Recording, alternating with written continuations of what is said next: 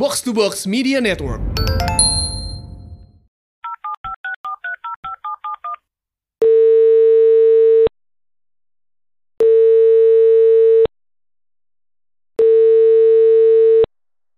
Hai, gue Franz. Gue temennya Mariana. Temen deket, deket banget. Udah kayak saudara lah. Malah beberapa orang percaya kalau kita punya kakek nenek yang sama. Gue ketemu sama Mariana itu baru setahun yang lalu. Pas gue lagi nemenin bos gue dinas. Bos gue kenal sama Mariana. Malah si bos juga percaya kalau kita ini saudara. Iya, kita saudara, tapi jauh banget. Saking jauhnya, gue sama dia nggak peduli soal garis keturunan. Dan kita suka bilang ke orang-orang kalau kita sepupuan. Sebenarnya gue sama dia itu baru ketemu beberapa kali loh. Ketemu langsung maksudnya. Karena gue sama dia deket duluan di dunia maya ketimbang di dunia nyata. Kita nggak pernah kenalan secara formal. Maksudnya kayak ngajak kenalan, terus salaman, terus nyebut nama gitu nggak pernah. Kita pertama ketemu itu di Twitter, tempat gue ngabisin waktu pas lagi jadi freelancer. Gue tiap hari di depan laptop aja, surfing di internet tanpa perlu mikirin kuota. Kalau ada senggang, gue nyari kuis atau giveaway yang hadiahnya duit. Kadang-kadang suka ada orang gabut yang ngasih duit ratusan ribu, terus cuman main tebak-tebakan skor pertandingan bola doang. Biasanya sih yang gitu adanya di Twitter. Kalau di Facebook gitu, gue nggak gitu doyan. Suka ada aja yang iseng doang. Kelar event, hapus postingan. Kalau di Instagram, susah nyarinya. Jadi gue menyambung hidup dompet gue ya dari Twitter. Waktu itu Twitter lagi error. Semua mention yang masuk ke akun gue hilang. Nggak ada tulisan apa pun di tab mention.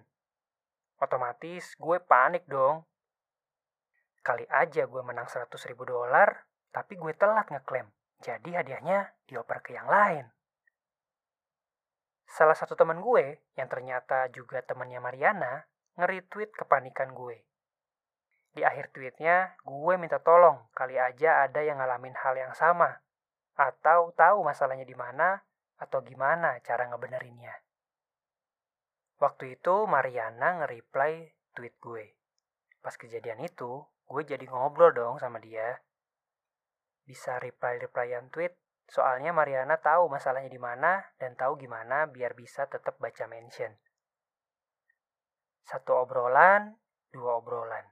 Lama-lama kita sering ngobrol di Twitter, saling bagi info giveaway, saling cerita kalau habis menang atau kalah.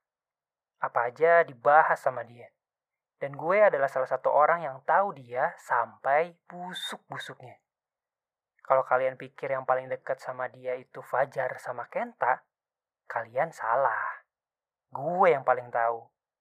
Banyak hal soal mereka berdua yang dipendem sama Mariana. Dan cuma diceritain ke gue. Mariana itu satu-satunya orang yang kayaknya nggak pernah nggak bales tweet gue. Dulu sih gue heran. Nih orang suka sama gue apa gimana? Terus pas meet up, akhirnya gue beraniin buat nanya. Dia bilang, cuman gue yang mau ngomong intens sama dia. Twitternya Mariana itu nggak banyak yang tahu. Kebanyakan ya emang orang-orang yang kenal lewat sosmed. Dia juga bilang teman dia di kampus juga nggak ada yang tahu. Sengaja nggak dikasih tahu. Soalnya Twitter itu dijadiin tempat buat berkeluh kesah. Dan gak jarang dia ngomong kasar di sana. Tapi emang kebanyakan orang nyampahnya di sana.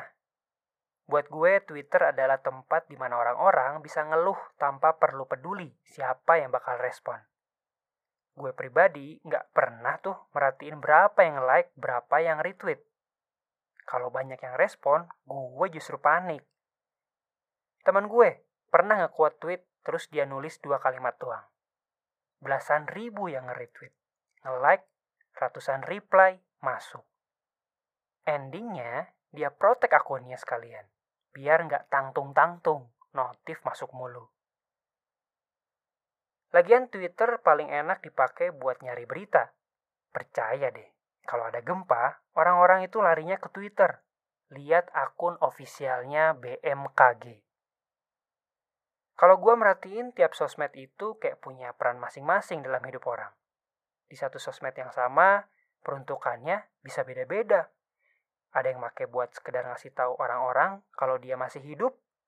Ada yang ngasih tahu orang-orang kalau dia lagi di mana.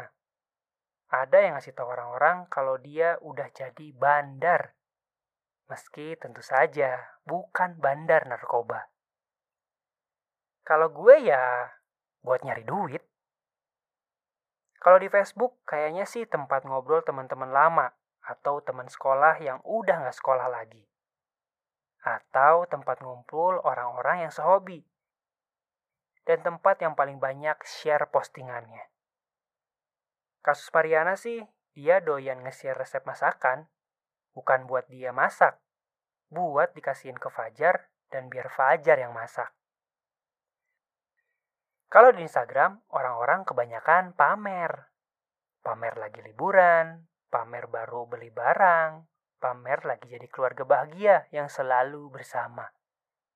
Gak tahu sih ya orang-orang kayak gimana, tapi kebanyakan yang nongol di story Instagram gue ya yang kayak gitu. Niatnya sih mungkin aja nggak pamer. Maksudnya orang-orang ngeposting buat nunjukin pencapaian dia. Tapi penilaian orang kan beda-beda. Bakal ada yang tetap julid dan bilang, ih. Episode ini adalah bagian dari tantangan 30 hari bersuara 2022 yang diselenggarakan komunitas The Podcasters Indonesia.